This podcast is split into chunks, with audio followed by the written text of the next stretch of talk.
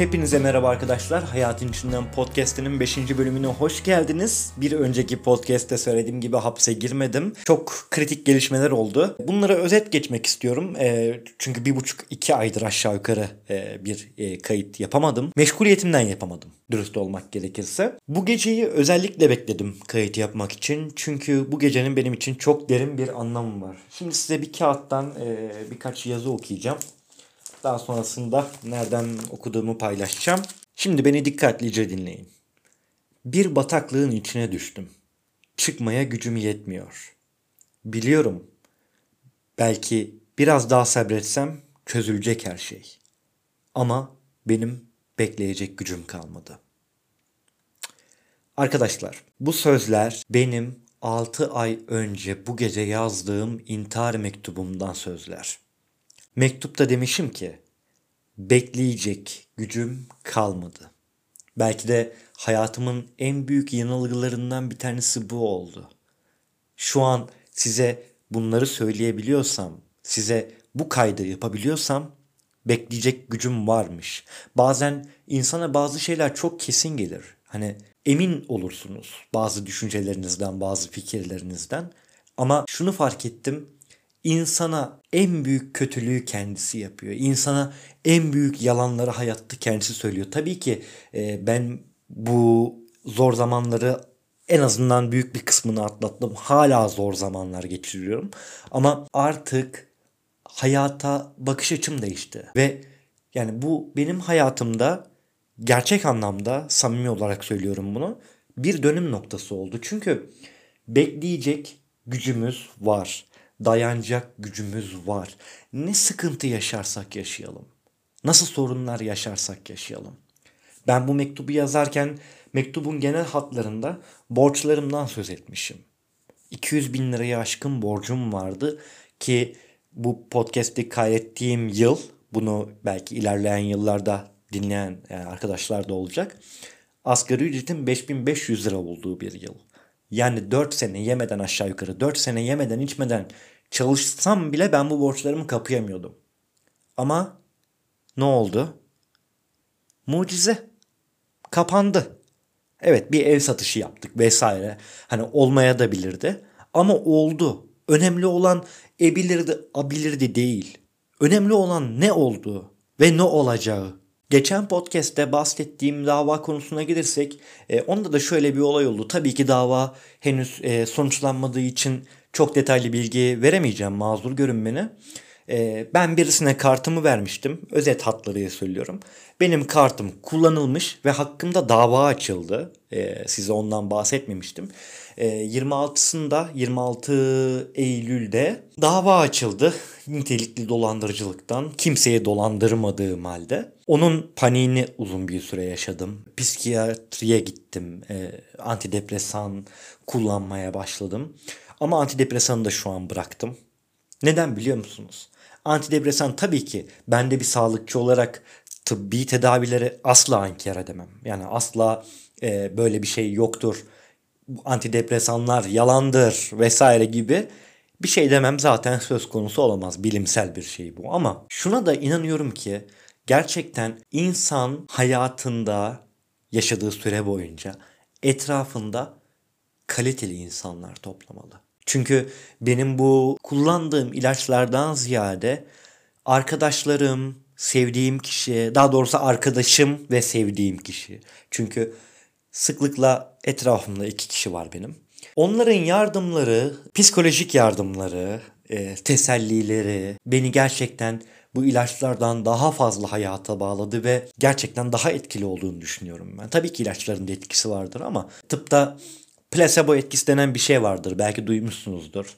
Bir şeye inanmak yani bir ilacın iyileştireceğine inandığınızda ilaç olmasa bile olabilir fark etmez. Kanser hastalarında genelde yapıyorlar bunu e, deneyleri. Kanser hastalarına bonibon veriyorlar, şeker veriyorlar ya da işte her neyse.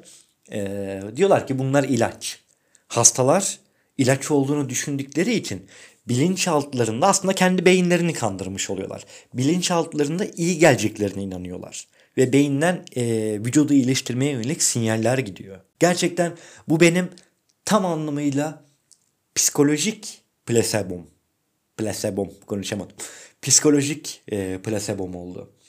Ve gerçekten yani uzun süredir bu kadar huzurlu ya hala dediğim gibi sorunlarım var. Hala e, davam devam ediyor. E, avukatımla konuştum. E, %90 ceza alacaksın dedi. Büyük ihtimalle verilecek cezayı yatmazsın dedi. Ya para cezası verilir ya iki senenin aşağısında hapis verilir dedi. Ama hiç fark etmez. Hani benim vicdanım rahat.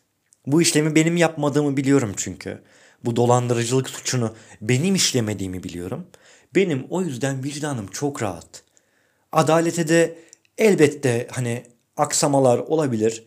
Hani tabii ki güveniyorum ama en büyük yargıç insanın kendi içindeki vicdanıdır. Ve her şeyden önemlisi. Bakın şu an evet cüzdanımda bin lira yok. Ben sıfırım şu an. Ama neden bu kadar huzurluyum? Neden bu kadar mutluyum? Belki ses durumdan bile anlıyorsunuzdur.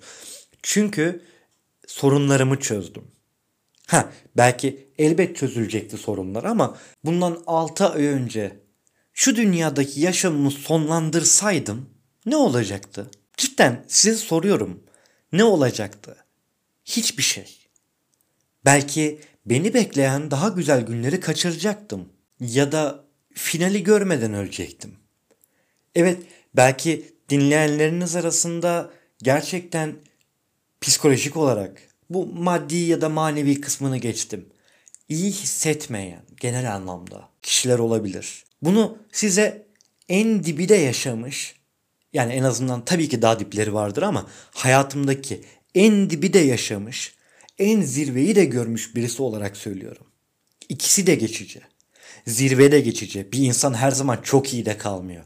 Ama bir insan her zaman en dipte de kalmıyor. Onun daha dibi de var, daha üstü de var. Zirvenin daha yukarısı da var, gökyüzü. Daha aşağısı da var. Her şey bizim elimizde.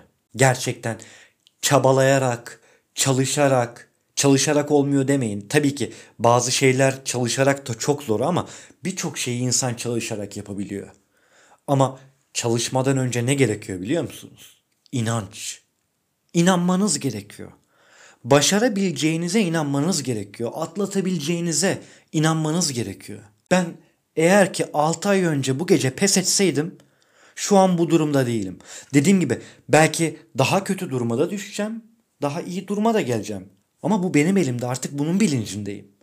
Ve sizlerden ricam siz de bu bilinçte olun ve hayatınızda size yardım eli uzatanları geri çevirmeyin. Bakın intihar mektubumda bir şey daha söylemişim. Hakkınızı helal edin. Uzaklarda da bir sevdiğim var. Kardeşim biliyor. Ona da onu çok sevdiğimi söyleyin. Ben şu an kendime kızıyorum. Ben o sevdiğim kişiyi bırakacaktım. Yani geçebilecek bir şey. Ya borç nedir ya? Borç yani borç. Hani sonuçta ödenebilecek bir şey. Ne bileyim. Yani çok mantıksız davranmışım diyorum. Ha dediğim gibi tekrardan belki bu düşüncelere geleceğim. Bakın bunun garantisini hiç kimse veremez. Ben de veremiyorum. Belki tekrardan bu düşünceler saracak etrafımı. Aklımı kurcalayacak. Belki ilerleyen dönemlerde daha kötü zamanlar geçireceğim ve tekrardan e, intihar etmeyi düşüneceğim. Bunun garantisini kimse veremez. Ama en azından derler ya bir tecrübe oldu. Bu da benim için çok çok çok güzel bir tecrübe oldu. O yüzden arkadaşlar e, bu podcast'i burada bu şekilde kapatmak istiyorum. E, son olarak söylemek istediğim şu ki hayatta her şey geçiyor. Çok klişe olacak belki ama gerçekten derler ya zaman her şeyin ilacı. Etrafınızda son kez söylemek istiyorum. Kaliteli insanlar bulundurun. Sizi sevenlerin kıymetini bilin. Sizi sevenleri ve sevmeyenleri siz de sevin. Ve her şeyden önemlisi insanlara, sizi üzen insanlara, sizi kıran insanlara bir şans veriyorsunuz ya. Vermeye devam edin. Sıkıntı değil. Ama her şeyden önemlisi şu hayatta en büyük şansı kendinize verin. Emin olun pişman olmayacaksınız. Bir dahaki podcast'te görüşmek üzere. Hoşçakalın.